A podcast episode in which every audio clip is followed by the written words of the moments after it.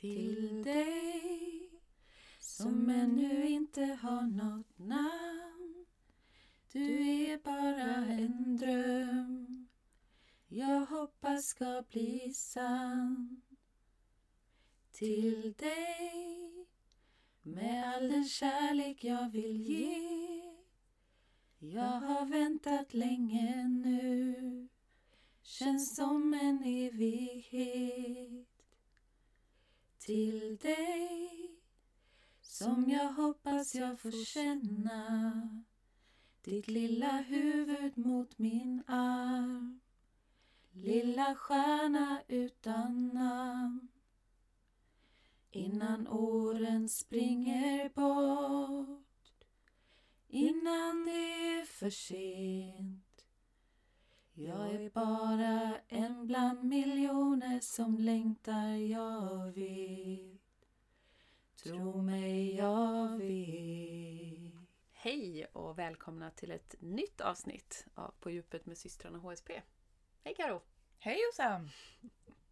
Din vecka har ju varit lite upp och ner känslomässigt, minst sagt. Vill du berätta? Vad ja, har pågått i ditt inre?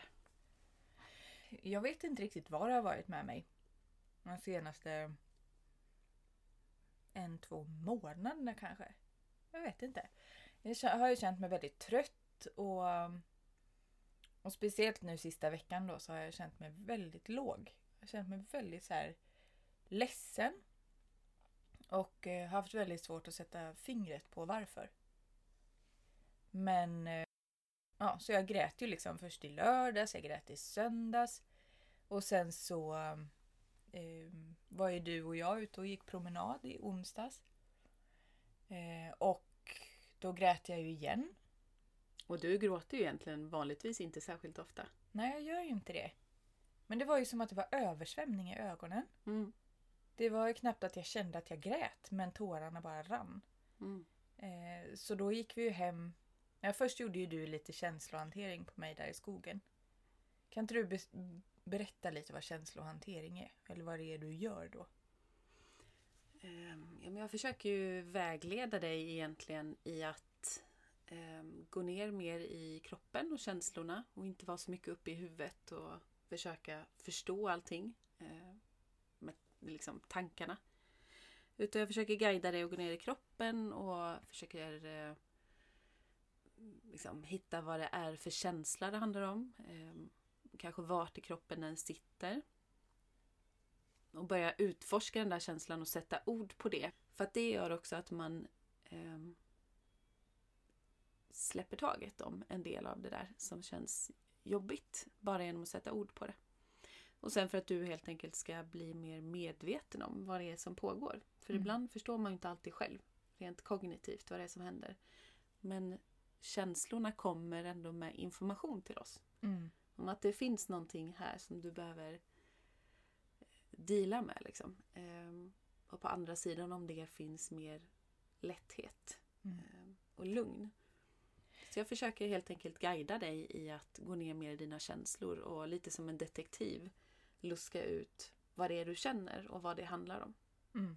Ja, för det, ibland är det så himla svårt att veta varför man känner någonting. Alltså man, man känner sig låg, man känner sig arg, man känner sig trött men man vet egentligen inte var det kommer ifrån. Mm. Där tycker jag att du är, är en jättestor hjälp för mig. Mm. Att ställa de där frågorna och alltihopa. Och där och då blev det ju väldigt tydligt för mig att, att det handlar nog mycket om att jag har samlat på mig eh, tunga känslor av många andra. Mm. Mycket av det du kände var ju egentligen inte ditt. Nej. Kom du fram till. Ja men mm. precis. Och det kanske man verkligen inte förstår om man inte får den där hjälpen. Nej. Det är svårt att, eller det är lätt att tro att alla känslor man har är ens egna eller kommer från sitt eget liv om man säger så. Det har jag ju trott hela livet innan. Ja. I perioder när jag har känt mig låg eller ledsen sådär. Att, eh, att det har varit mitt. Mm. Nej men då kom jag ju fram till att, att mycket av den tunga, tunga känslan och, och nedstämdheten som jag kände kommer väldigt mycket från eh, nyheter på TV. Alltså hela det här vad man hör om corona, alla som dör. mycket så här tungt i sociala medier. Eh, jag har några, några bekanta som har drabbats av svår sjukdom. Och jag tänker jättemycket på dem. Mm. Och det var ju speciellt en låt som, som liksom verkligen eh, träffade mig hårt just nu. Och det var ju den här, Thomas Stenström. ja, vad heter den? Ser du månen va? Ser du månen ja? Mm. ja. Men ändå när vi var där på promenaden uppe i skogen och sånt så kände jag att jag egentligen skulle behöva hulkgråta. Men det kom inte riktigt ut. För jag Du har... ville inte riktigt släppa fram det. Nej, jag har ju jobbigt på något vis att, att släppa fram hulkgråt. Eh, nästan för mig själv också för jag tycker att det är jobbigt. Alltså det, det tar mycket på mig. Plus att du har ju egentligen eh, ofta också genom livet fått eh, väldigt ont i huvudet efter du har gråtit. Så Ja, det har ju också det. tror jag varit en grej som har gjort att du kanske har hållit tillbaka lite. Mm. Hållit inne det liksom. Men jag kände ändå att jag behövde det den här gången. För att det, ja, det var ju bara som att det pös lite då och då. Mm. Pyste ut. Kanske det heter. Eh, Att jag grät lite då och då och bara kände mig låg och energilös. Men då gick vi ju faktiskt hem till dig sen och gjorde någonting som kallas för breathwork. Mm. Det var första gången för mig som jag provade det ju.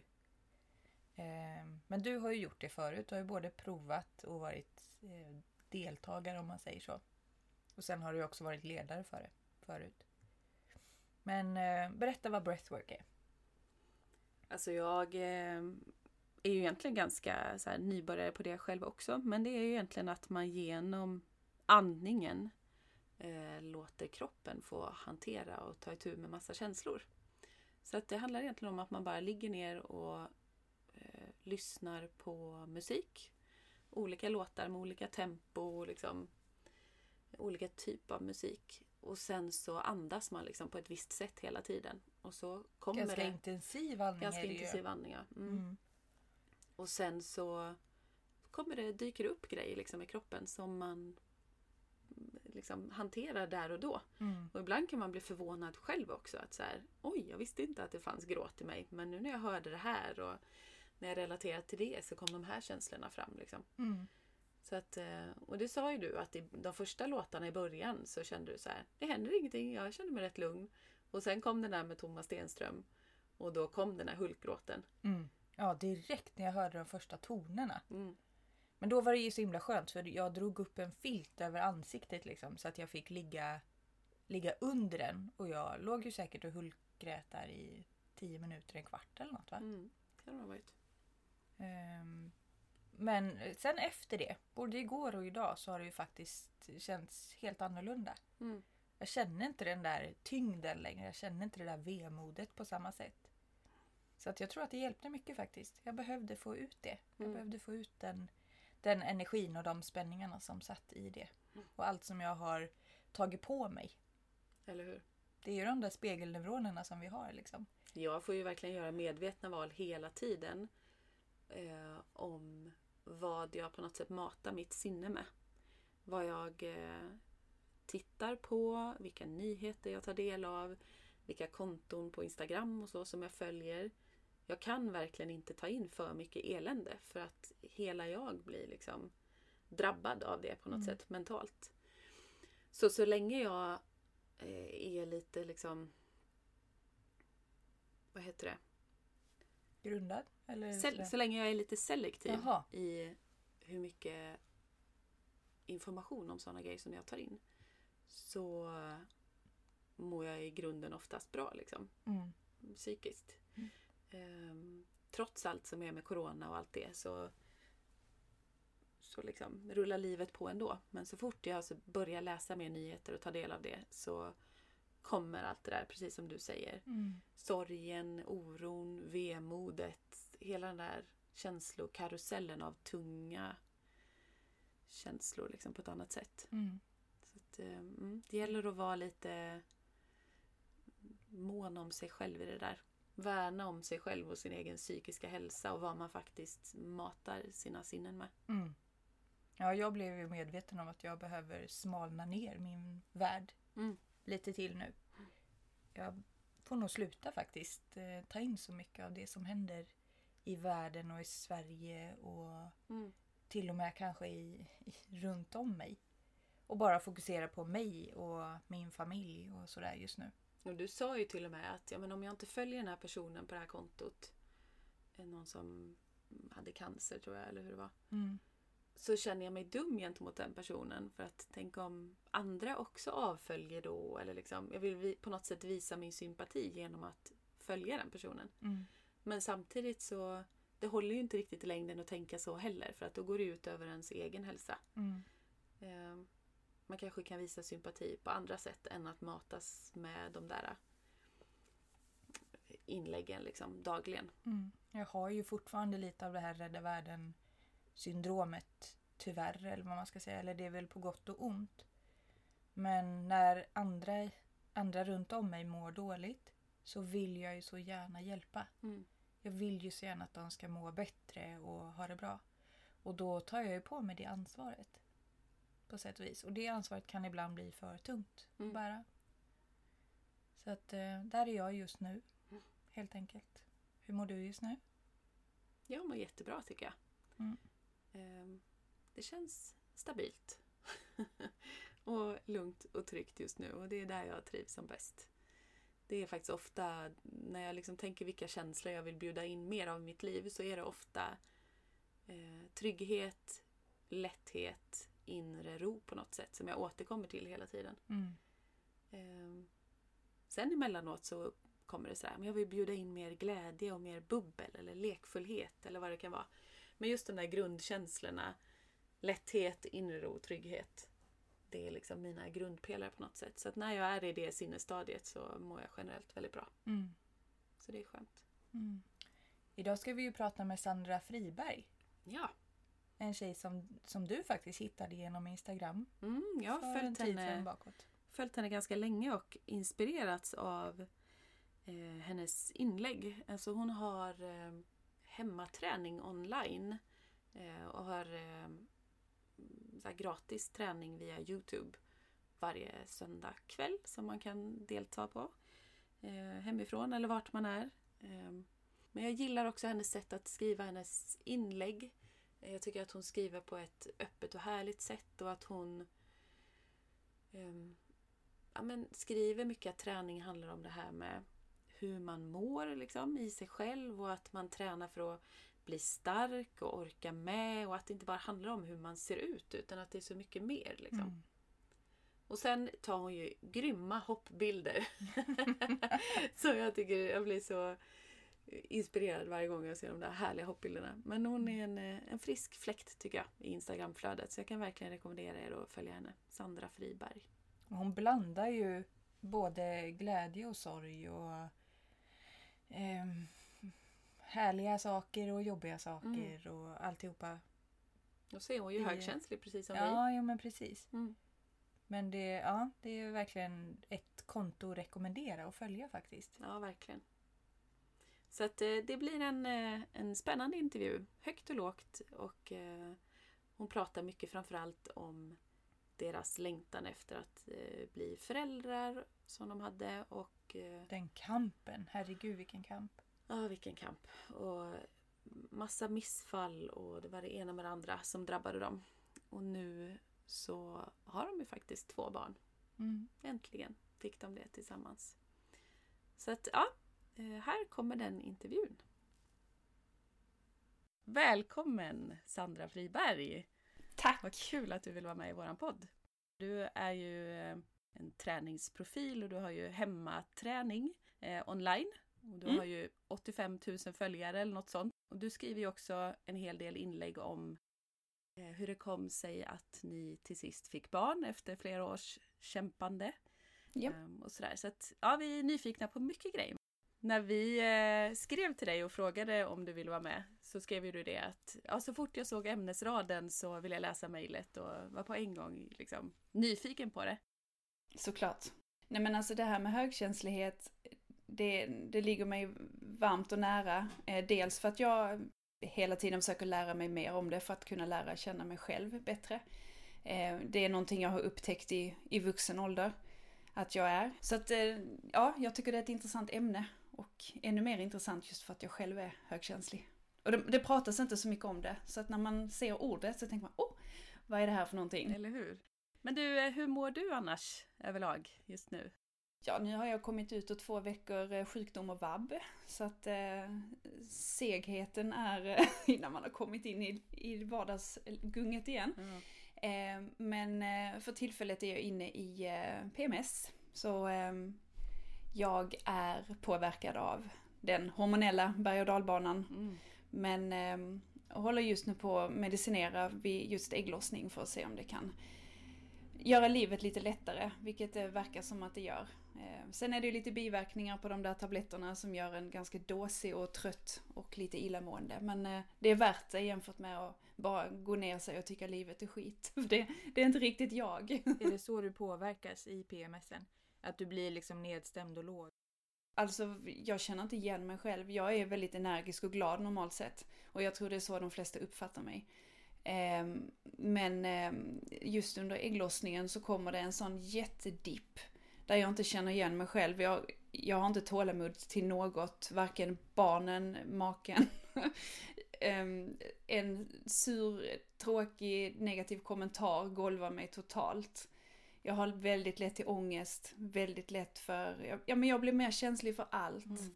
Hur länge brukar det hålla i sig då? En vecka.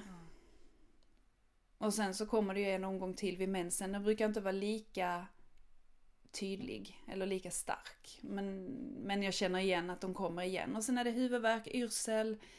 Eh, ja, det är massa så här både fysiska och mentala problem som påverkar. Men eh, tabletterna har i alla fall lyft humöret, vilket jag är mycket tacksam Vad för. skönt. Ja, så att jag håller på att testa dem nu och se om det är någonting jag ska fortsätta med. Tycker du också att PMSen har blivit värre efter dina två barn? Eh, ja.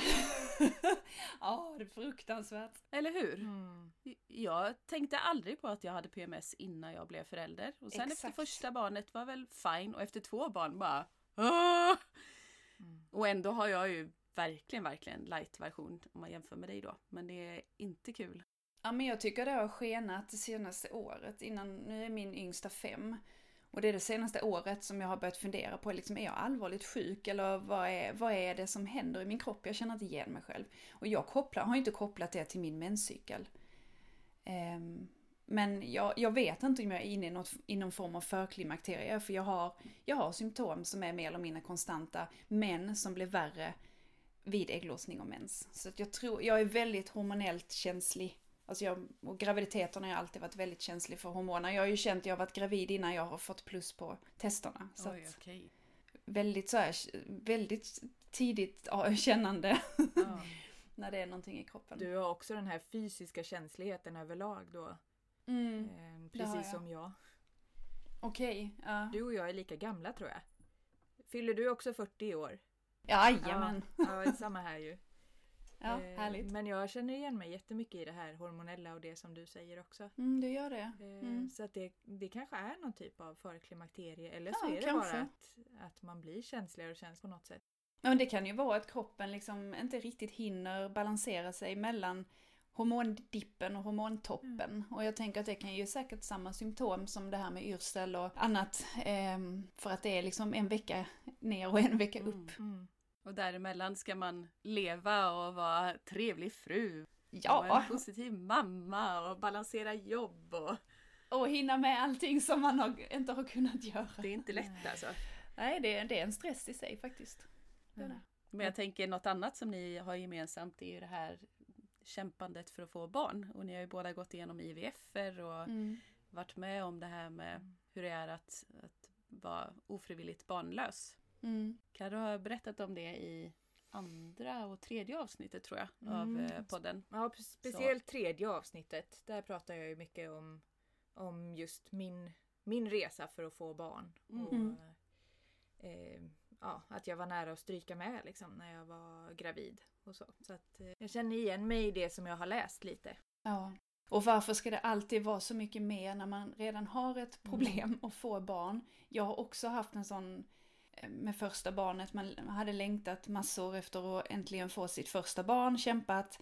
Eh, och sen hade jag, min största längtan var ju att få hålla mitt nyfödda barn och krama och pussa och gosa. Eh, men det togs ifrån mig helt och hållet för när det sista jag kommer ihåg är att jag går sönder där nere när hon kommer ut. Och sen får jag ett eh, fullt epileptiskt anfall. Det. Så det är också sådär liksom bara, hallå? Men har du haft epilepsi tidigare? Nej, aldrig. Jag gick epilepsiutredning och allting men de tror bara att jag, kroppen är väldigt eh, smärtkänslig och eh, jag var ganska svullen och förlossningen var lång. Så de, de vet inte, men hjärnan kan ha svällt och har liksom orsakat det här krampanfallet. Men jag har ingenting som tyder på att jag har annat än lätt för att få krampanfall. Shit vad läskigt alltså.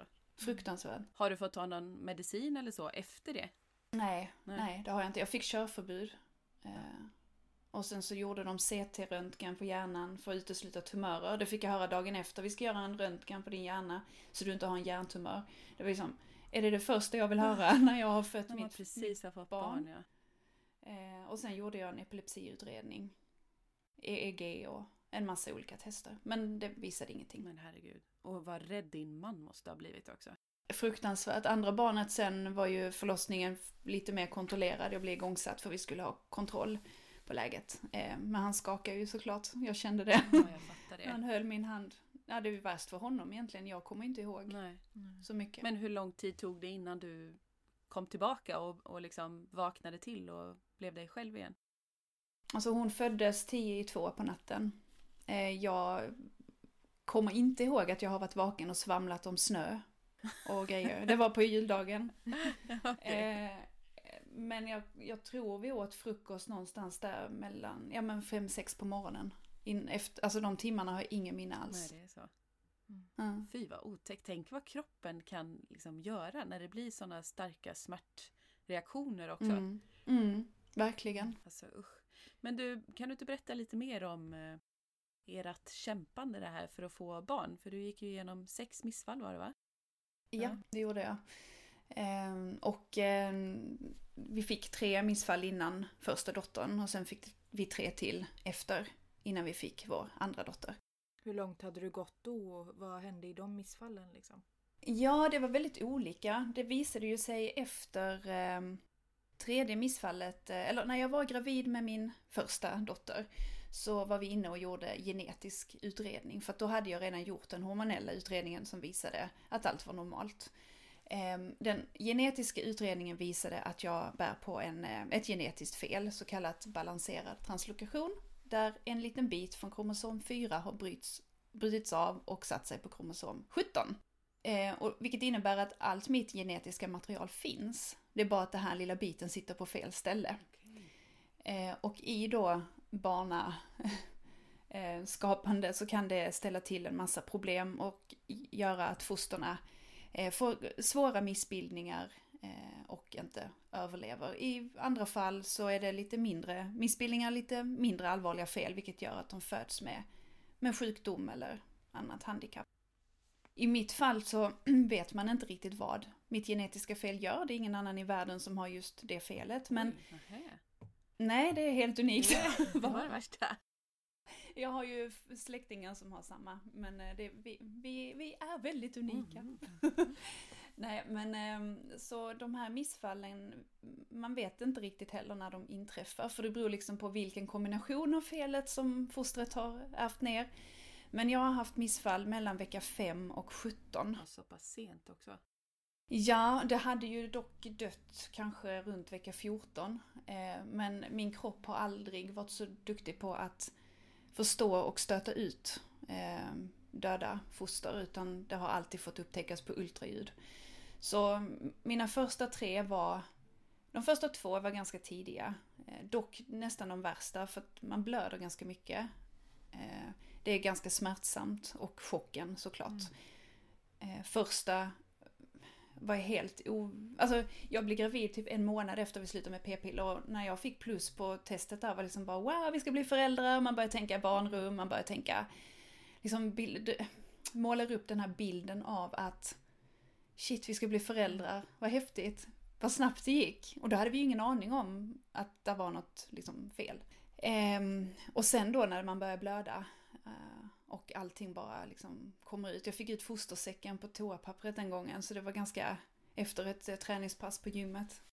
Jag hade jätteont och jag gick och höll min klass ändå. Smila. Men så fick jag ut eh, fostersäcken på pappret efter passet när jag inte ens var hemma. Och jag kunde inte ta mig hem heller för det åskade så jag vågade inte ge mig ut. Så jag stod och storgrät i sporthallen där med mamma i luren. ja, det var jätte, jättejobbigt. Eh, andra missfallet kom ett halvår senare. Nyårsafton. Eh, samma process som första kan man säga. Det var att jag blödde bara mer. Det, man sitter på toa och det känns, det låter som man bajsar men det är liksom klumpar av blod och slemhinnor och men det är väldigt traumatiskt faktiskt. Ja, jag förstår det. Eh, och sen tredje missfallet upptäcktes det vecka 15. Eh, då hade fostret dött i vecka 7 redan. Då hade jag varit och gjort ett ultraljud i vecka 7 och hjärtat slog. Så det måste ha hänt precis efteråt då? Mm. Ja, en eller två dagar trodde de. Eh, så ultraljud är ju verkligen bara en ögonblicksbild. Mm. Men eh, kroppen var ju gravid rent hormonellt. Jag kräkte från vecka 7 till 13 varenda dag. Magen växte, växtvärk i livmodern. Men jag hade ju blödningar till och från, hela tiden. Men det kan man ju ha ibland väl? Ja, absolut, jag har haft det i varenda en nästan. Ja, det har det. Även när jag har fått mina barn. Ja. Men fick du någon förklaring till att kroppen fortfarande betedde sig som om du var gravid? Fast att graviditeten hade avstannat så många veckor innan? Nej, de, de kunde väl inte riktigt säga mer än att vissa, vissa har det så, vissa... Eh, särskilt när fostersäcken är intakt fick jag förklarat så förstår inte kroppen att det inuti är dött. Mm. Eh, men min magkänsla ändå sa mig ja, dagarna innan jag sökte hjälp att någonting var fel. Eh, och sen fick jag ut lite, det såg ut som slemproppen kom eh, och det var förmodligen ett, att kroppen var redo liksom att stöta ut. Och då sökte jag hjälp och då, hade, då var jag i vecka f- eh, 15 då. Kroppen skötte allt det själv Nej. då? Eller? du sa att du sökte Ja, hjälp? det var för att jag tyckte det bör, började kännas konstigt och se konstigt ut. Nej, kroppen, eh, jag fick tabletter. Men Okej. ingenting hände så jag fick ju skrapas, sövas och skrapas. Och den som, eh, som dog då i vecka 17, Mm. fick du föda ut det fostret eller? Ja, det fick jag göra. Det var för stort för att skrapas. Usch, jag kan inte ens föreställa mig den chocken och sorgen. Eh, Nej, alltså det var... Jag är ändå tacksam att jag hade haft de här missfallen innan det. Mm. För då hade jag ändå mentalt gjort den här processen så många gånger. Eh, sen att behöva känna den smärtan. Jag fick ju massa morfin såklart, jag var hög som ett hus. Jag var ganska, alltså jag var, det hemska i allt det här var ju att jag var ändå ganska nöjd för jag, jag hade så mycket morfin så jag var så hög. Så jag fnittrade åt både det ena och det andra. Men det var ju ändå tacksamt i den stunden Ja. att få känna lite, lite skoj för att hantera det hela. Ja, det. Eh, och, slip, och slippa smärtan. Ja. Efteråt så gick jag ju hem och spydde av chock, eh, morfin och ja, ja, allt. Mm. Kräkte väl ut allt som jag hade inombords. Eh, men, eh, men de var superproffsiga verkligen. Jag, fick, jag låg där inne i åtta timmar eh, innan det kom ut. Eh, Oj, och då satt jag på... Mm, det tog tid innan kroppen kom igång. Och sen satt jag på toa. Eh, och så har de ju sånt där uppsamlingskärl. Så att när, när jag kände att det var på väg ut så ringde jag på klockan och så kom de och hjälpte till. För jag ville inte titta på det som, som jag hade fött ut. För att de varnade för att det var... Det såg missbildat ut och det hade ju legat dött ett tag. Så att det var svullet och Mm. ja, lite nerbrutet liksom. Mm. Det var inte den bilden jag ville ha av, av det som vi hade förlorat utan Mm. jag hade ultraljudsbilderna från tidigare veckor i minnet istället. Mm. Hur hanterade din man det här? Det, nej men han, han har alltid när det gällt missfall känt att eh, det var inte meningen. Även om det inte är det man vill höra från alla att det var inte meningen denna gång. Men vi var alltid överens om att det som, som inte klarar sig eh, var inte frisk nog för att klara sig och det är ingenting vi kan kontrollera eller göra någonting åt. Eh, sen har jag ändå känt att det får gärna, liksom ska det gå fel, får det gärna gå fel så tidigt som möjligt för att man hinner bygga upp så mycket hopp för varenda dag man går som gravid. Eh, och den graviditeten hade jag inga misstankar om att något skulle vara fel. För allting såg så bra ut. Allting stämde. Hur kommer det sig att det gick bra med de två barnen ni ändå fick? Ja du, vår första är ju en sån här riktig lyckoträff, Ebba. Eh, hon är ju gjord på naturlig väg. I sovrummet. Ehm, och hon är en riktig lyckoträff. De sa till mig att jag har uppemot 90% risk att få missfall. Åh herregud. Mm. Så att hon är ju liksom de här 10 procenten då. Och det var så mycket problem, eller rättare sagt hinder på vägen där. För det första blödde jag ju som att jag skulle få missfall, så jag var ju livrädd för det här. Jag gick ju som på nålar de första 10-12 veckorna. Det var ju blödningar varje dag, klumpar, eh, svart leverat blod. Alltså det var verkligen så, nu är det kört, nu, nu skiter det sig. Men det hände liksom aldrig någonting. Det kom aldrig någonting. Det, det avtog och så kom det igen. Och, och jag gjorde ju täta ultraljud bara för att liksom, ja, följa upp. Eh, I vecka åtta fick vi reda på att eh, jag hade genetiskt fel. Och då blev vi akut kallade till en sån här genetisk rådgivning och då var jag ju gravid i vecka åtta. Och då fick vi lite mer information, det kändes väldigt skönt faktiskt att förstå varför. Och så bokade vi in ett eh, moderkaksprov för att kunna göra en genetisk koll på, på fostret.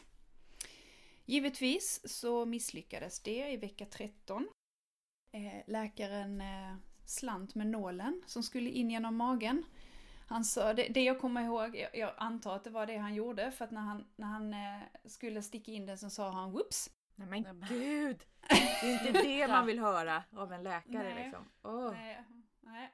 Ehm, och det, det blev ett whoops, för han fick fel celler. Han träffade fel. Det hände ingenting allvarligt, men han fick fel celler. Han fick mina istället för moderkakan.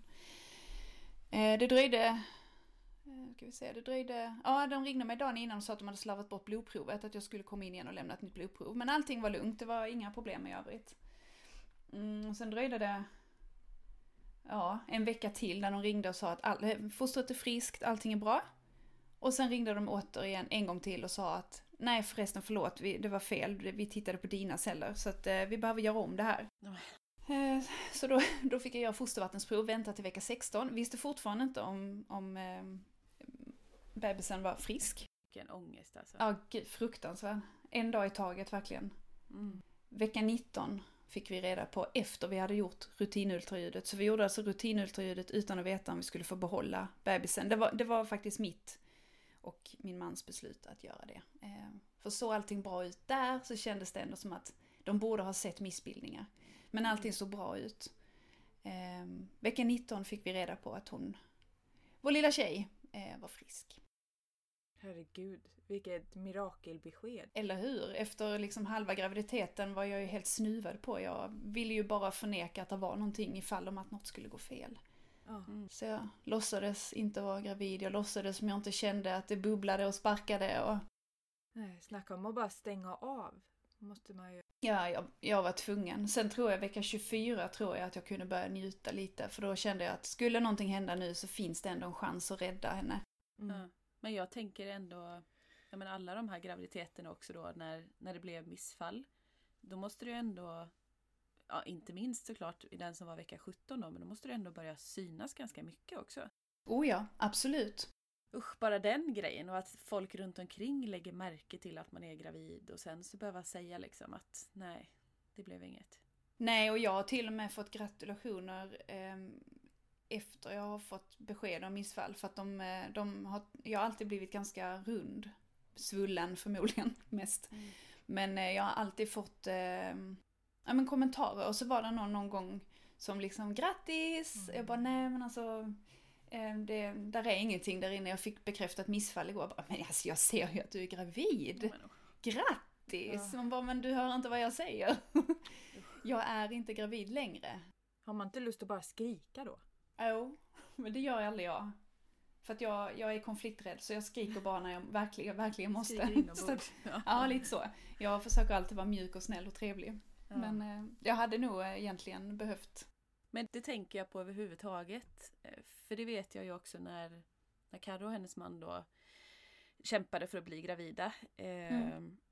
Mitt i allt det så fick ju jag mitt första barn. Mm. Och jag kommer ihåg att det var så jobbigt för jag visste inte hur jag skulle förhålla mig till dem. För vi hänger och träffas varje dag typ och våra män är bästa kompisar och liksom så. Och jag vet att jag sa det också så här att jag förstår om inte ni vill hålla min son liksom direkt när han kommer och Mm. det tog ju ett tag innan din man kände sig bekväm med det kommer jag ihåg. Att han var lite så här, lite svårt att connecta liksom. Mm. Eh, så det är svårt också när man är närstående att veta vad ska man säga, vad ska man Mm. absolut inte säga. Mm. Hur ska man liksom vara runt hela den här situationen. Men vad är dina liksom bästa råd till, till den som har någon i sin närhet som kämpar med det här med ofrivillig barnlöshet? Hur ska man bete sig? Alltså jag, det jobbigaste tyckte jag var att man just tassade omkring på tå. Men jag tror det handlar lite mycket, alltså ganska mycket om hur personen är i- i sig själv. Jag, jag är jätteöppen, jag är jätteärlig, pratar jättegärna, ställ gärna frågorna rakt ut till mig. Mm. Eh, än att ta fram de där hundvalpsögonen och liksom åh. Mm. För det är nästan det värsta jag vet. För jag har haft folk som har suttit mitt emot mig när vi har pratat om missfallen och de har gråtit. Mm. Alltså ska jag behöva trösta dig? Det, det känns jättefel. Mm. Och kanske speciellt när man är högkänslig där och Ja, känner, gud, ja. känner av många Ja, av den andra personens känslor. Liksom. Så här, ja ska men jag det trösta påverkar eller ska jag... Ja, exakt. Ja. Eh, Så att jag, har, jag tycker det är viktigt att ställ frågorna rakt ut och då måste ju man själv, om någon hade ställt en, en fråga jag inte vill svara på, då hade jag ju bara fått vara ärlig och säga att den är jag inte redo att prata om just nu eller vi kan ta det en annan dag eller eh, jag vill inte prata om det. Mm. Men alla har alltid tassat på tå och de har nästan undvikit lite grann för att de, de har inte vetat hur de ska bete sig. Eh, och så har det ibland blivit fel frågor. Jag tar inte illa upp. Men de har nog känt att hoops, det där skulle jag kanske inte sagt eller Mm. Ehm, men ehm, jag tycker det är viktigt att man inte tar avstånd från den som går igenom det. Utan vågar faktiskt finnas där. Och vill, vill inte personen att man ska vara där just då så, så är jag helt säker på att man säger ifrån. Mm. Mm. Så det här, det var inte meningen, det var en sån grej som du inte ville höra i alla fall? Eh, ja, Nej, för det, det är ju en ganska självklar sak. Nej, det var det, var det ju inte. Nej. Men, men nu blev det så ändå. Ja. Fanns det några andra grejer som du kände att så här, det brann till i dig innan någon sa liksom? Även om du då inte skällde på dem av konflikträdsla? Den här, det går bra. Det går bra nästa gång, det ska du se. Men det är också så här, det vet vi ju inte. Nej. Nej. Så att det kan du ju inte säga. Vi får vi ta nästa gång när nästa gång kommer. Mm. Mm. Vad jag- kände jag du kan Carro, uppleva- när ni gick igenom er period? Alltså jag är ju likadan som dig. Jag är ju också sådär superöppen liksom. Och Mm. Eh, ja, berättade liksom öppet på mitt jobb. Att vi håller på och försöker få barn och jag håller på och gör IVF-behandlingar och Mm. eh, ibland är jag ledsen. Liksom. Ibland är jag jätteledsen och det är för att det inte har funkat den här gången då. Eh, men eh, fråga mig gärna om det är någonting ni undrar eller jag var väldigt tydlig med det. Mm. Eh, Men sen det bästa någon kan säga är väl egentligen att jag förstår att det är skitjobbigt. Alltså man behöver inte säga så jättemycket mer. Tycker jag. Mm. Nej, och bara vara där. Mm. Ibland är det ju skönt att få prata om några helt andra saker också. Ja, och få tankarna på annat håll. Ja. Ibland är det härligt att få skratta. Ja. Mitt i allt det jobbiga liksom. Exakt. Och bara få, få tramsa eller dansa eller vad som helst. Sådär. Mm. Hålla med. Eh, Men inte bara fokus. Inte bara fokus på det jobbiga hela tiden. Så. Nej. För det orkar man inte. Nej, det gör man inte. Hur många år höll ni på? Sju? Sju. totalt med Ja. båda. Och du Ja. då? Ja, fem ni? höll vi på. Mm. Men det är många år att leva i, eh, i tester och missfall och IVF-försök och hormoner och... Det blir lite som att pausa sitt liv på något sätt. Att så här, ja, vi kanske inte kan planera in den här stora resan för att då kanske jag är Ja. höggravid. Eller vi kanske inte kan gifta oss då för att då kan... Alltså det, Mm. Och så får man hela tiden så här gå och vänta på hur ska det bli Mm. eller kommer det ta sig den här gången? Mm. Men sen är det ju, man lever ju i två veckors Exakt. eh, cykler liksom. Absolut. Jo, Det det är ju ägglossning och mens. Yes. Som är, det är ju verkligen så här hopp och förtvivlan, hopp och förtvivlan, hopp Ja. och förtvivlan. Liksom, Sex varenda och test. Mm. Ja, och test. Och sen jobbiga undersökningar, jobbiga behandlingar. Absolut. Kroppen då som är känslig från början. Mm. Som reagerar på konstiga sätt och vis. Och, Mm. Och sen det här mentala vän- väntan. Ja, ja. Vänta, vänta, vänta, vänta. Ja. Ja, det är inte lätt. Särskilt IVF tyckte jag var vä- värst där med den här väntetiden på, på äggplockning och väntetid på, på få svar på hur många som hade befruktats, väntetid i vårt fall hur många som var genetiskt friska, väntetid, alltså det var bara så här vänta. Mm. Det måste ju verkligen vara en känsla av så här maktlöshet på något sätt. Att Ja, det här för- ja, ligger, jag kan inte, kan inte göra något för att påskynda Nej. processen. För nu, och sen kanske man får så här, men nu är det semestertider så att nu Mm. får vi vänta med till efter sommaren och ta Ja. ett nytt äggplock. Alltså, Ja, nej men absolut. ja. Det är hela tiden bara vänta. Ja, och man känner ju bara hur månaderna och åren springer iväg. Liksom. Springer ifrån en. Verkligen. Men det var med eran andra dotter då som ni började göra IVF eller? Ja, precis. Alltså, när, när vi hade fått vår första så var vi ju ganska så här, ja ja, men nu funkar det ju att få på naturlig väg, så där, där kan vi göra en gång till. Mm. Eh, och det var därför vi började försöka naturligt igen, för jag kände att ah, IVF med alla hormonerna, jag bara kände att nej, jag är inte sugen på det. Dessutom görs bara vår sån här genetiska IVF-variant i Stockholm, så det är ju ganska lång bit då. Och pendla. Nej men så vi tänkte, ja men det, det här kommer ju att gå. Eh, så det var ju då vi fick tre missfall till och efter det sjätte då när jag fick föda ut kände jag att nej, nu, nu får vi nog be om hjälp här. Nu orkar jag inte mer. Min kropp orkar inte mer. Eh, och eh, det var då vi fick remiss till eh, Huddinge för att göra IVF. Och då gjorde vi två rundor. Ehm, så alla äggplock och, och allting görs där uppe och sen så gick jag på ultraljud och räknade äggblåsor och annat i Malmö.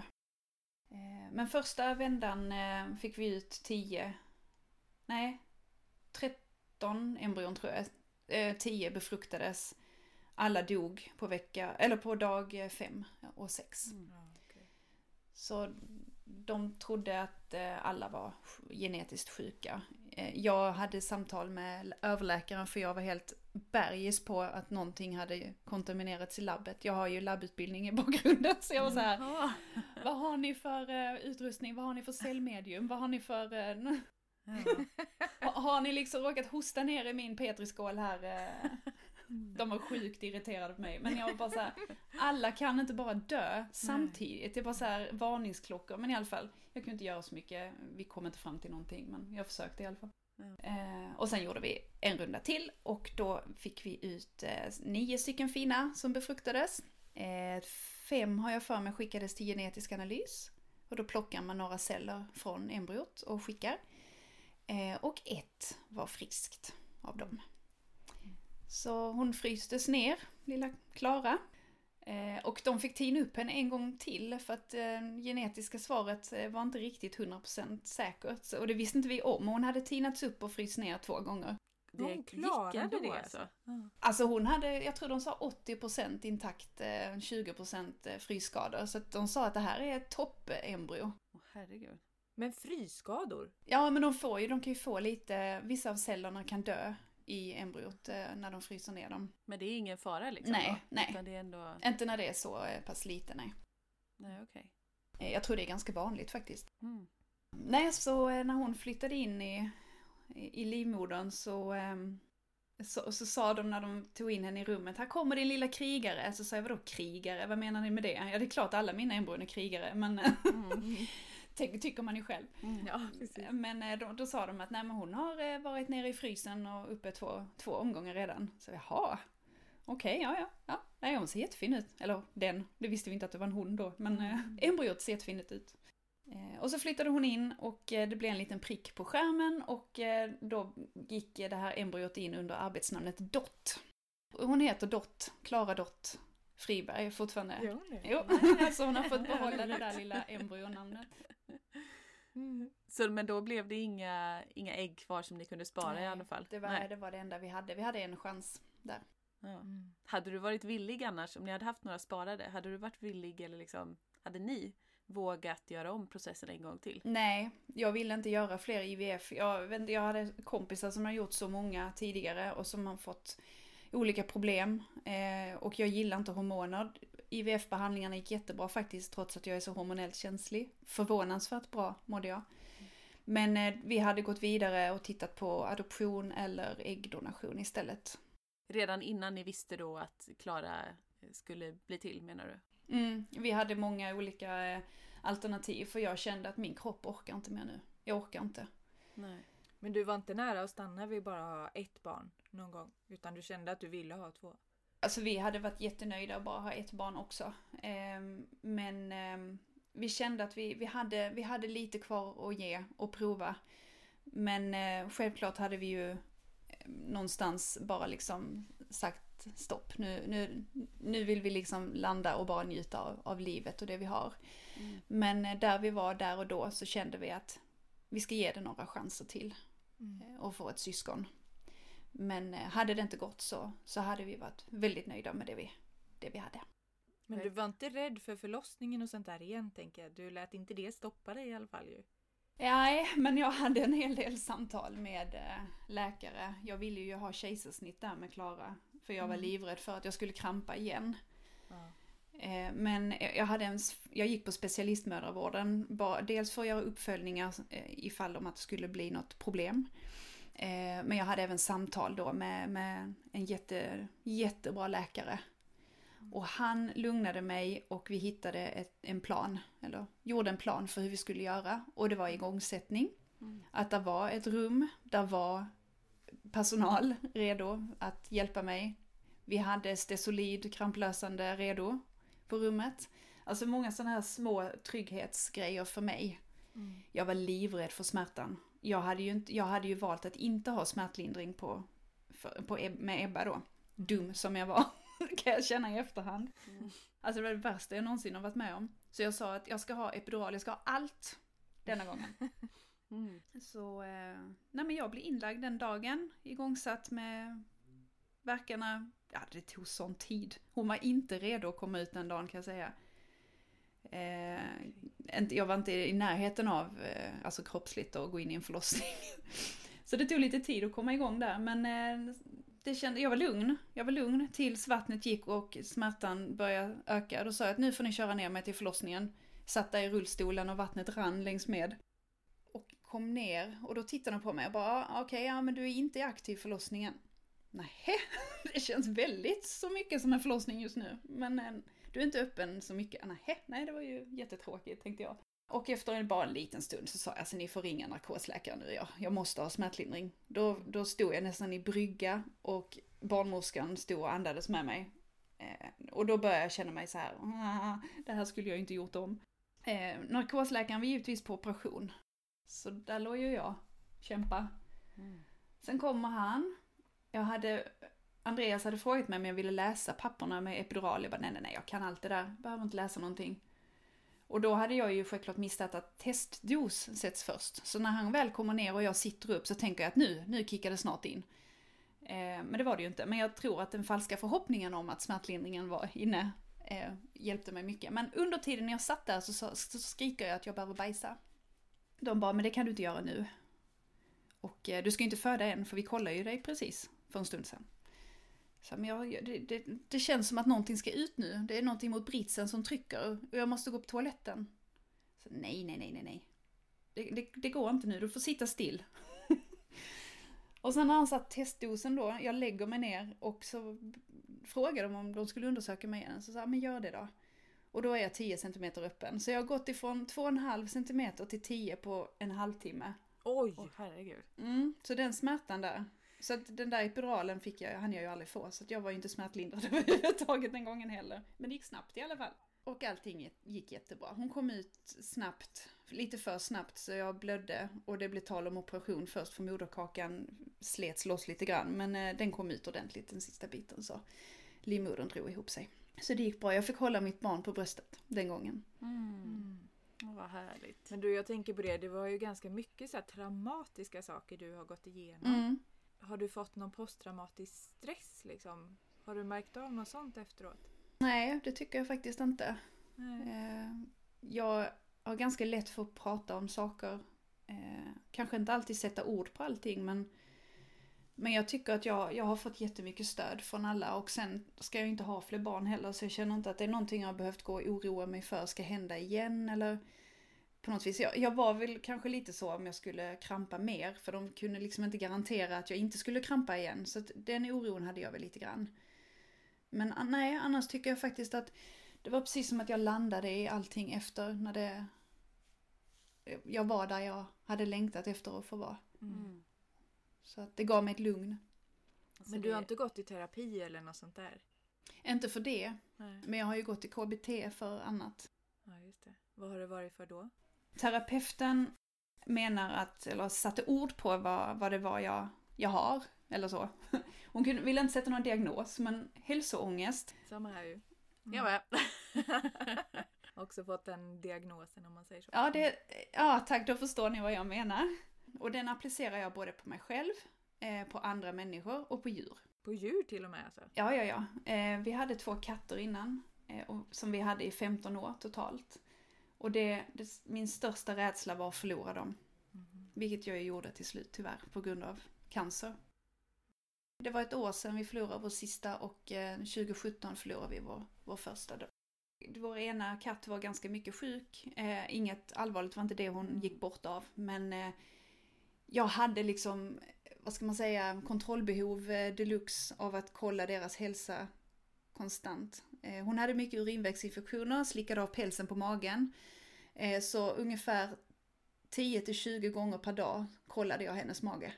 Alltså jag hade ju, det var ju liksom, vad kallar man det nu? Eh, OCD, vad heter det på svenska? Tvångssyndrom. Ja, exakt. Så att jag, de kom fram till att jag hade både tvångstankar och tvångsbeteenden. Likadant när jag skulle gå hemifrån. Eh, låsta dörrar, måste kontrolleras 51 gånger. Eh, jag gick och kollade alla utrymmen och letade upp katterna så jag inte hade stängt in dem. Var de, hade de gått ut så var det jättesvårt att lämna hemmet för då visste jag ju inte om jag kanske hade missat att de var instängda någonstans. Och så fort ett av barnen hade gått och öppnat en dörr så var jag tvungen att göra om hela min process från början. Check på den också. Alltså det tog sån tid att gå hemifrån. Mm. Det kom vi fram till under terapin, under KBT, att jag hade andra tvångsbeteenden som jag inte visste om att jag ens hade. Intressant. Det här med att kontrollera saker som, alltså, och att jag inte riktigt visste varför jag hade ångest när jag gick hemifrån. Mm. Varför känns det obehagligt att gå hemifrån? Det var för att jag inte hade gjort mina kontroller ordentligt. Och problemet blev, till slut blev det ju kontroll på kontrollerna. Mm. För att jag ville kontrollera att jag hade kontrollerat kontrollerandet. Mm. Exakt. Så att, Det blir en evighetsprocess. ah, kära någon, jag, jag vet inte hur många gånger familjen satt i bilen och väntade på mig. Det är otroligt roligt att du säger det. Alltså Mm. jag, jag eh, f- började ju få tvångstankar när jag var i tioårsåldern. Okej, Och jag fick ju konstaterat sen som vuxen att jag hade lindrig OCD. okej.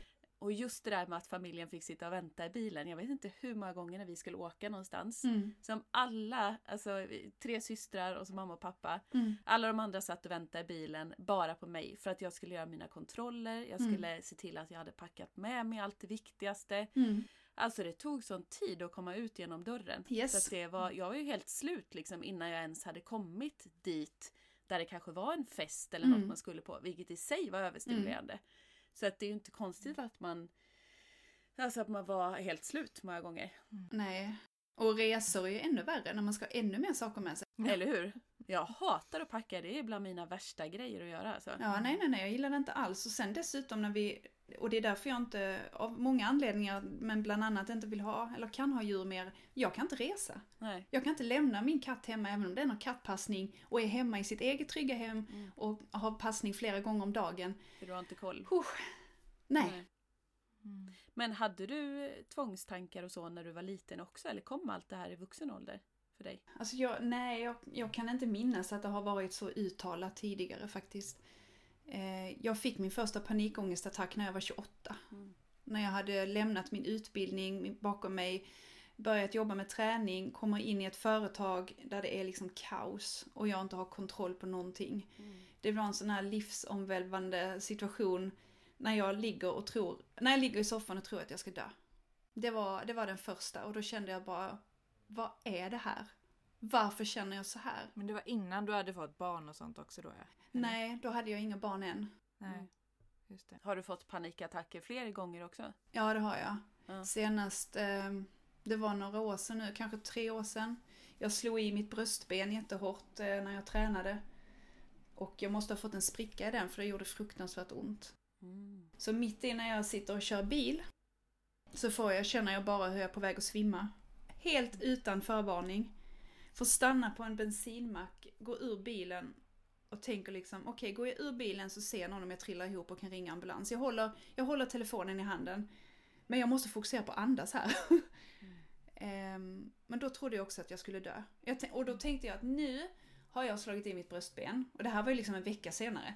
Nu har jag slagit i bröstbenet. En liten bit ben har lossnat och letar sig nu mot mitt hjärta. Och det är därför jag håller på få hjärtstillestånd just nu. För att det benet har liksom perforerat mitt hjärta.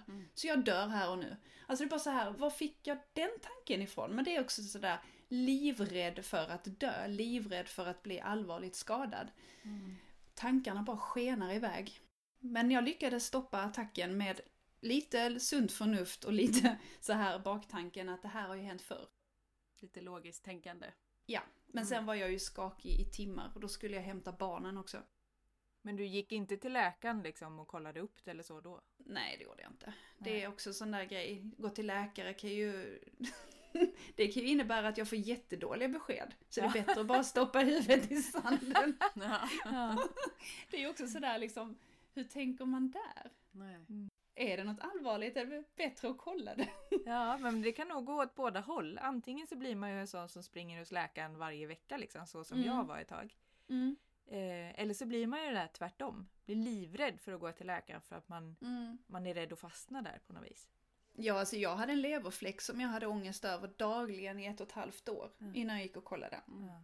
Den var helt normal. Ja, tänk vad mycket onödig tid man har lagt på att oroa sig alltså.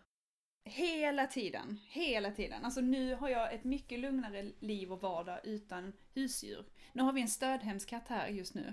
Och jag märker direkt hur det, jag, det kickar igång direkt, mitt kontrollbehov. Eh, kolla honom hela tiden. Han mår hur bra som helst. Mm. Men, eh, men jag projicerar liksom min hälsoångest på honom. Alltså han, han är ju obrydd men jag fattar inte varför min hjärna alltid ska leta problem. Alltså den är ju aktiv konstant. Det- Är, är livet för lugnt så är det för bra för att vara sant ungefär. Det är livet som högkänslig helt enkelt skulle Ja. jag vilja säga. Ja, hej, hej på dig högkänslighet. Ja men det är ju, alltså våra hjärnor är ju igång hela tiden. Hela och tänker tiden. och men- processar och liksom. Mm, mm. Det är ju den djupa bearbetningen. Ja, analyserar. Och det är ju den här amygdalan. Alltså det är ju vårat, mm, hjärnans brandalarm och den här gamla överlevnadsdelen i oss liksom som är extra aktiv hos oss. Ja, den tjuter ofta. Ja, kan man säga. Eller hur? Den är ganska neurotisk. Ja, men verkligen. Och problemet blir ju att, för att man blir ju lite hypokondriker för att man, man eldar ju upp symptomen och jag kan liksom framkalla att symptomen blir värre. Så att problemet blir ju att jag litar ju inte på vad jag känner längre. Nej. Är det så som jag tror eller är det bara att jag liksom på något sätt intensifierar symptomen för att jag är livrädd för, ja, jag vet inte. Mm. Men man blir ju liksom skeptisk till vad man själv känner till slut. Verkligen. Det är svårt. Det som är ju att vi dessutom som högkänsliga är väldigt medvetna om ofta vad som känns i kroppen. Om någonting känns annorlunda. Mm. Eh, vi snappar upp om det gör ont någonstans. Mm. Så allt det att vi känner av och sen den djupa bearbetningen att vi tänker och reflekterar. Mm. Det är ju inte konstigt att det är otroligt många högkänsliga som någon, under någon period i livet eller jämt genom livet liksom överlag har haft lätt till ångest till exempel. Mm. Absolut. Eh, Mm. för Utan att veta varför kanske. För att Ja. innan, innan jag fick ord på, och det var faktiskt en samtalsterapeut eh, från hela början som jag kände som jag började prata med. Och hon bara så här, alltså har du hört talas om HSP? Jag bara, nej, vad är det där för någonting?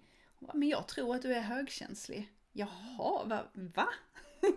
nej, det kan ju inte jag vara, tänkte jag. Och sen så gick jag hem och läste på, jag bara shit, alltså jag kan sätta en bock på varenda sak här. Bara det att förstå när det kommer en, en brandbil eller en ambulans förbi med, med sirener och ljus, alltså tårarna rinner. Jag vet inte vad jag ska göra av mig själv. Det stod på ett ställe. Bara, ja. Så mycket som hamnade, alltså som föll på plats. Bara, jag är inte psykiskt instabil. Eller psykiskt liksom. Det här förklarar ju allt vad jag känner. Och Mm. ångest och ja. Fantastiskt var det att få allting på plats. Ja, eller hur? Jag håller med. Men för, för dig och mig Jossan då, så krävdes det ju egentligen ångestdämpande medicin. Mm. För att vi skulle känna att... ehm, Det kom lite med näsan ovanför vattenytan på Ja, något sätt. Mm. alltså du med din ångest och, och tvångstankar och alltihopa. Det åt ju så mycket av din kraft och Ja, energi. Ja. och livsglädje och alltihopa. Och jag hade ju otroligt mycket posttraumatisk stress efter hela, efter de här fem åren. Mm. Eh, av att försöka få barn och IVF och graviditeten och det livshotande tillståndet och alltihopa. Och eh, sen utmattning på det liksom. Mm. Så att jag kämpade ju i tre år Mm. eh, efter det med konstant. Alltså jag var i sånt akutläge hela tiden. Alltså jag hade ju en typ panikångest eller vad man ska säga stora delar av dygnet. Så att jag kunde ju vakna på nätterna och kunna vrida ur min t-shirt för att jag hade så mycket ångest. Fy. Och jag bara kände så här, ska jag må så här, då vill inte jag leva. Usch. Kände jag bara, det, liksom. då är det inte värt det, nej. Jag orkar inte mer. Så till slut så, så gick jag ju med på att börja med medicin. Eh, för jag hade ju varit så livrädd för det. Mm. Jag var ju livrädd för liksom ångestdämpande eller du vet SSRI-preparat. Ja, samma här. För jag var ju otroligt rädd för hur kroppen skulle reagera Mm. och biverkningar och allt. Mm. Eh, plus att jag var lite stolt tror jag. Lite stolt och lite envis. Ja, Och bara, exakt. men vad sjutton, jag, är- jag ska bli bäst på det här med avslappning. Jag ska bli bäst på det här med yoga. Mm. Ska klara det här meditation. själv. Liksom. Liksom, jag ska, Mm. Det blev något presterande i det också på något sätt. Shit vad lika vi är. Jag också så här, försöker lösa det på alla möjliga sätt. Jag ska Ja. också säga, nu går jag all in på meditation, yay! Och, och sen så, som min man brukar säga, men varför ska du hela tiden bara försöka lösa det hela tiden? Bara acceptera Mm. och, och finn dig i att det är som det är.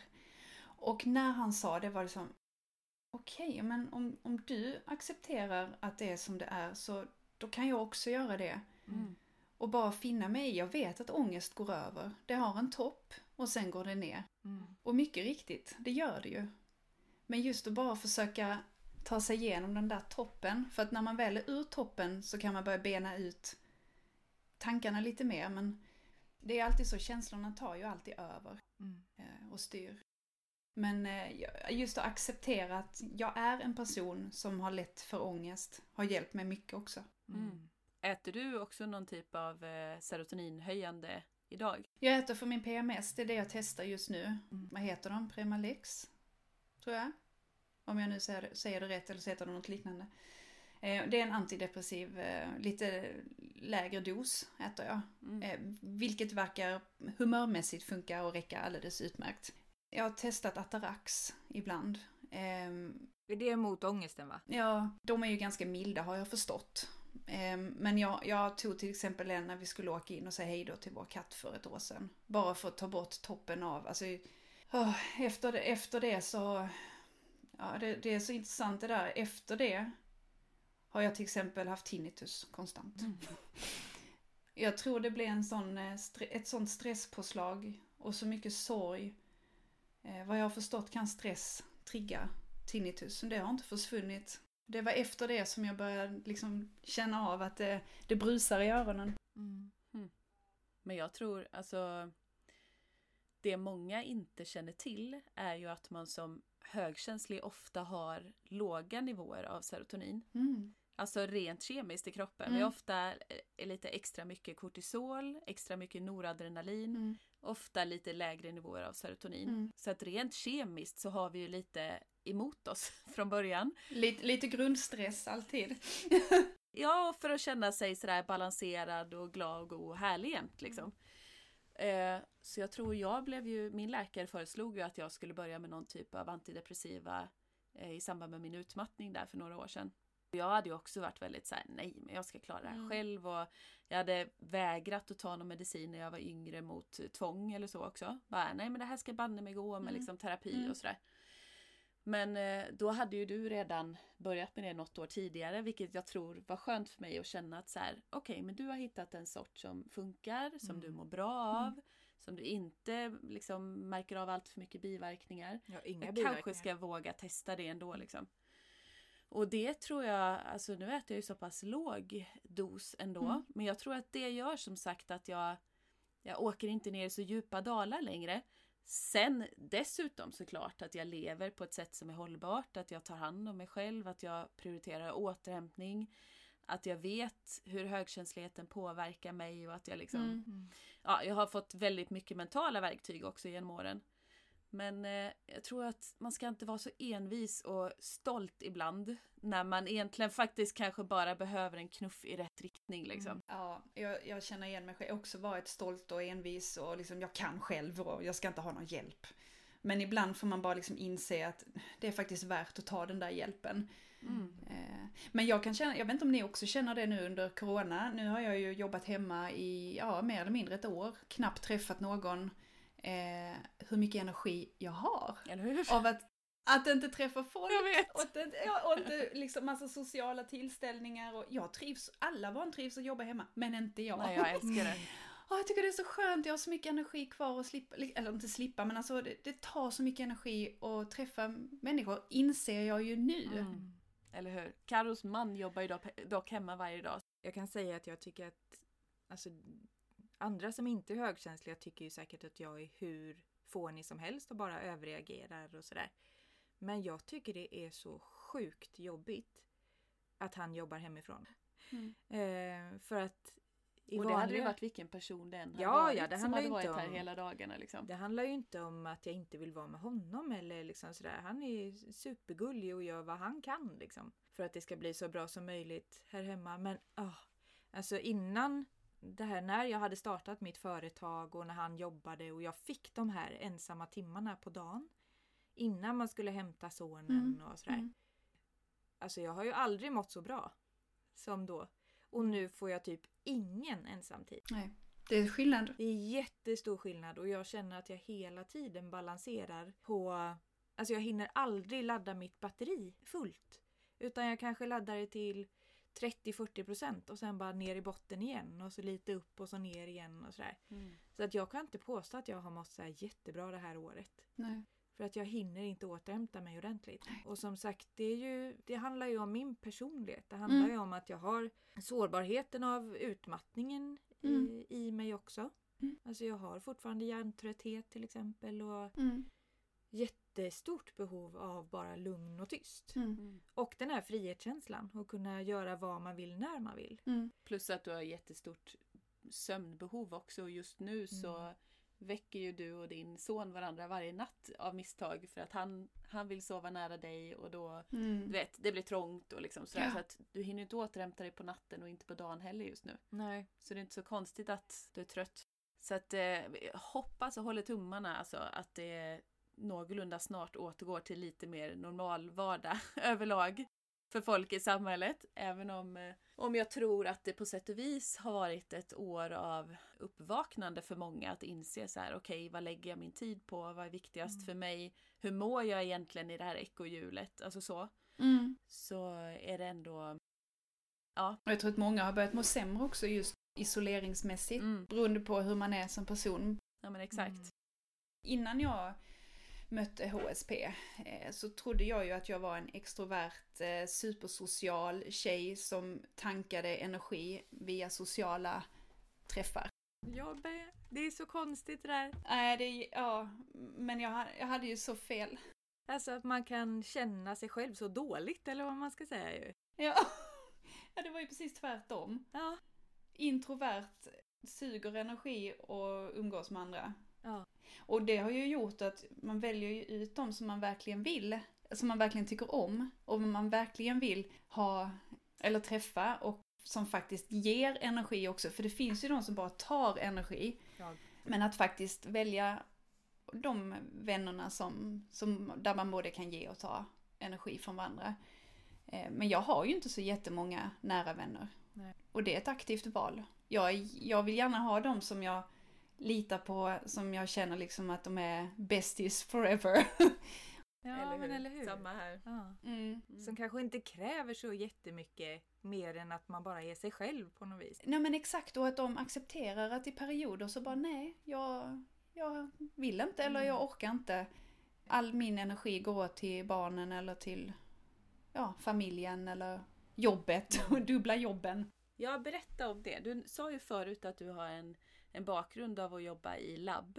Eh, Biomedicin. Mm. Ja, biomedicinsk analytiker är jag. Just det, så Okej. är det. Ja. Är det det du jobbar med nu också? Nej, det var länge sedan jag slutade med det.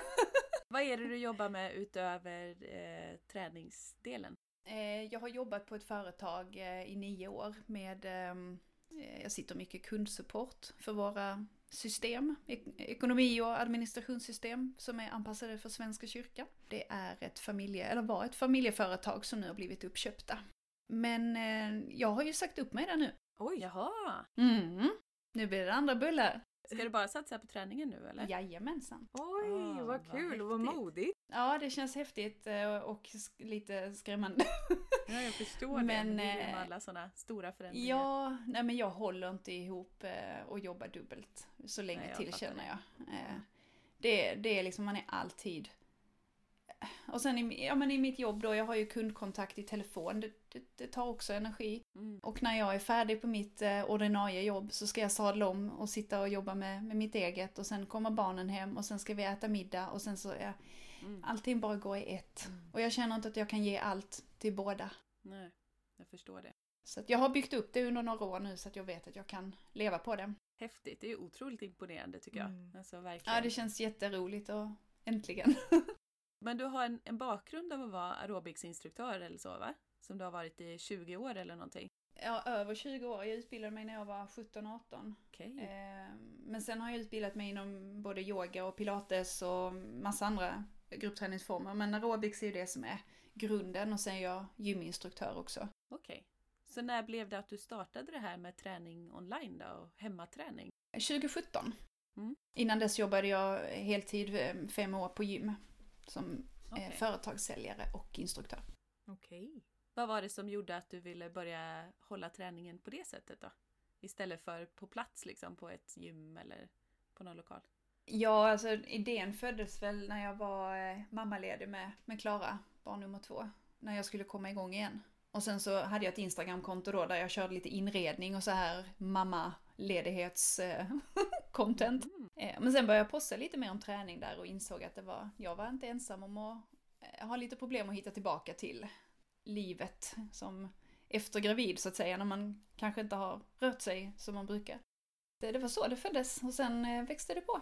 Mm. Och sen har väl du haft ganska mycket problem med rygg och alltså smärta av olika slag? Mm, det har jag. Jag har haft ryggproblem, ja, jag tänkte säga kolla på klockan, men det hjälper ju inte vilket år det började. Men jag tror jag, alltså det började väl för en 14-15 år sedan. Okej. Men eh, den är ju typ helt bra nu. Jag behöver inte gå till varken kiropraktor eller naprapat mer än en till två gånger per år bara för lite underhållsjusteringar.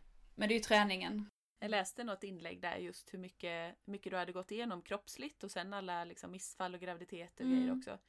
Och det här att du kände dig liksom som ditt starkaste, bästa jag liksom nu ändå Mm. i den här åldern. Absolut. Alltså rent fysiskt. Det är otroligt eh, inspirerande. Det är väldigt häftigt att kroppen kan hitta tillbaka till styrkan och hitta tillbaka till, till allt efter så mycket. Verkligen. Mm. Jättehäftigt. Sen kommer ju smärtorna tillbaka ibland och jag, som sagt jag är väldigt smärtkänslig tror jag. Eh, och det kanske har med högkänsligheten att göra också men Mm. Så fort jag bara har liksom en infektion kan jag ju känna att jag får ont i de områdena på kroppen där jag lätt får smärta. Som Mm. ryggen till exempel, ländryggen och men enligt min naprapat har det en, en förklaring eh, från immunförsvaret så det verkar inte vara Okej. någonting som jag hittar på. Nej. Ja, men det är alltid skönt när man känner sådär, det är inte bara i mitt huvud. Det här finns faktiskt Nej. en förklaring till det här. Och skulle det vara det så får det väl vara det. Ja, men precis. Men och sen läste jag ju att du blev årets gruppträningsinstruktör Mm. 2019 Ja. va? Du var ju nominerad i massa olika kategorier där. Mm, tre olika. Ja, vad var det för några? Kan du berätta? Eh, ja, nu ska jag tänka till här. Det var årets gruppträningsinstruktör, årets digitala inspiratör och årets förebild, tror jag det var. Okej. Gud vad Mm. häftigt. Stort grattis. Ja, tack. Häftigt. Vad var det för något som, vilka var det som anordnade det här eller gjorde den liksom omröstningen? Eh, det är fitnessfestivalen. Ja, det måste ju Mm. vara en, en eh, väldigt häftig känsla liksom. Få ett erkännande för det du gör. Väldigt, väldigt roligt och väldigt stolt. Men jag tänker för den som eh, inte känner till liksom, din hemmaträning och så, kan du inte Mm. berätta lite hur upplägget är? För du har ju en egen hemsida och så också ju. Mina största kanaler är ju, eller ja, tre har jag väl egentligen primärt och det är ju Instagram. Eh, där allt börjar. Och sen har jag en YouTube-kanal där jag har eh, gratis träningspass som är anpassade för hemmaträning. Jag har alltifrån eh, lågintensiva pass som är väldigt populära. Speciellt de som då har, lider av utmattning eller fibromyalgi eller eh, annan smärtpåverkan i kroppen. Ehm, och sen har vi lite mer, alltifrån högintensiv till aerobics också. Styrkepass, pilates, yoga, rörlighet. Jag har väl egentligen använt hela min bredd och bakgrund för att försöka hitta pass som passar alla. Mitt stora mål är att alla ska kunna träna oavsett var man är i livet, vad man har för problem i kroppen, eh, vilken nivå man än är på så ska all, till, träning ska vara tillgängligt för alla och det ska inte behöva kosta pengar. Jag tänkte på det eh, nu när du liksom bara ska leva på ditt företag. Vad får du in pengarna på om man säger så? För du gör ju mycket gratis. Nej men det gör jag. Eh, den stora inkomstkällan nu är min app. Som är min tredje plattform. Vad heter den? Eh, Hemmapuls heter den. Den är en webbapp än så länge. Men vi kommer snart förhoppningsvis att göra det till eh, nedladdningsbar app från App Store och Google Play. Men där har jag mina träningskickar. Där man har träningsupplägg i x antal veckor där man följer med träningspass. Okej. Och de är väldigt populära. Det är superroligt. Tusentals användare. Jätteroligt. Vad häftigt. Hur Men- många är det som brukar följa med på hemmaträningen online? Live liksom. På, för på söndagarna har du dem va? Ja, exakt. En gång i veckan, eh, om inget annat som sjukdom sätter käppar i hjulet, så, eh, så är det söndagar klockan åtta på YouTube. Eh, Då kör vi intervallträning, kondition och styrka på 20 minuter utan redskap. Och det brukar vara, ska vi säga, rekordet är 600 någonting. Wow! Och då är det de som tränar, då räknar jag inte de som bara är inne och tittar och Nej. sen lämnar, utan verkligen tränar hela passet. Så det är så häftigt och det är alltifrån då, ja de flesta är i Sverige, men jag har även från Sydafrika, Spanien, Nej. Norge, Danmark, det är skithäftigt så det är typ hela världen.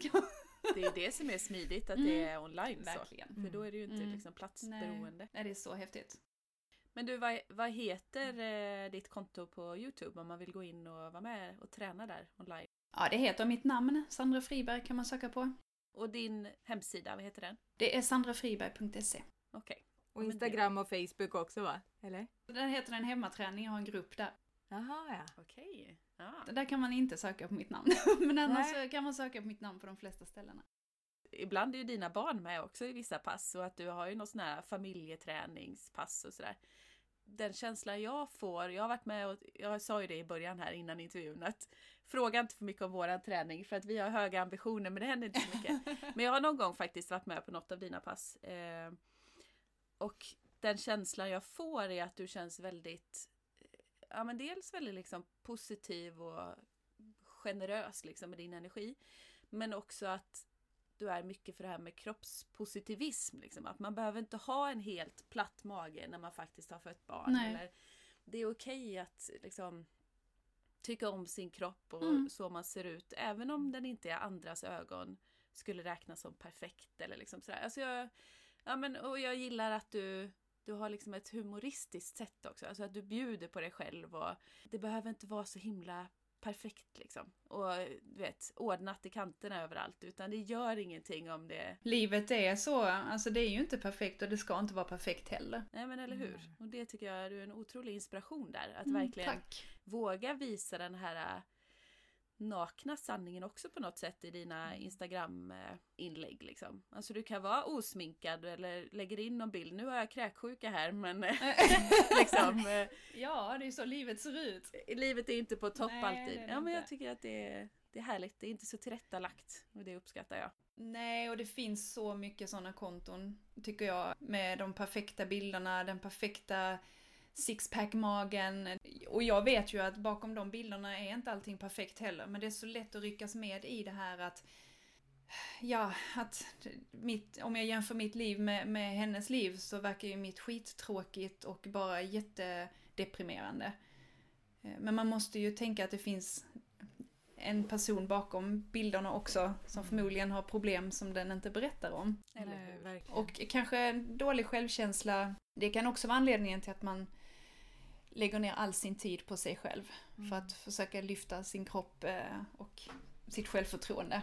Ja men det känns så. som att alla har ju sitt att jobba med. Alltså, Ja, men det så är det ju. ingen som alltid är på topp, som alltid Nej. går perfekt och livet bara är en dans på rosor liksom. Nej, absolut Men det inte. handlar ju också om att på något sätt våga prata om det även när det inte är på topp. Mm. Och där känns det som att du använder din plattform på ett väldigt fint sätt. Mm. Att du också vill berätta om det här, att det inte alltid är på topp. Mm. Men man kan liksom göra det bästa av situationen ändå. Jo, nej, men jag försöker. Det, det är svårt ibland och jag har ju fått kritik för att jag har visat, alltså det här med kropps, eh, att vara kroppspositiv, jag pratar ju kanske inte sådär direkt om det, men genom att bara visa mina svaga och starka sidor och osminkad eller tillrättafixad eh, så tycker jag att man ändå förmedlar bilden av att det är okej att gå ut till Sverige och se ut så här och jag skäms inte över att jag är nyvaken. Eh, samtidigt sätter jag på läppglans och sminkar mig så vill inte jag heller behöva känna att någon säger du behöver inte ha smink på dig. Mm. Men det är ju mitt val. Precis. Det är ju för min skull jag gör det, inte för någon annans skull Mm. eller för att någon ska uppfatta mig på ett visst sätt utan det är ju för att jag vill. Mm. Hur har den kritiken uttryckts då? Gentemot dig? När man är smal så kan det vara väldigt känsligt att prata om kroppspositivism. Det är svårt att prata om ämnet faktiskt. Eh, på ett sätt som gör att man förmedlar det man, ja, men det man tänker och känner kring det. Men eh, jag tycker ju att kroppspositivism handlar om att oavsett hur man ser ut eh, så ska man vara stolt över den man är. Mm. Man ska vara stolt över sin kropp. Oavsett om man är smal med rynkig mage efter en förlossning eller om man Mm. man har lite kärlekshandtag där bak eller man har eh, gäddahäng då. Så, alltså har vi inte alla det? Det, fin- det finns en massa begrepp jag inte ens har hört talas om tidigare som jag lär mig om på kroppen som folk har då eh, problem med på sig själva.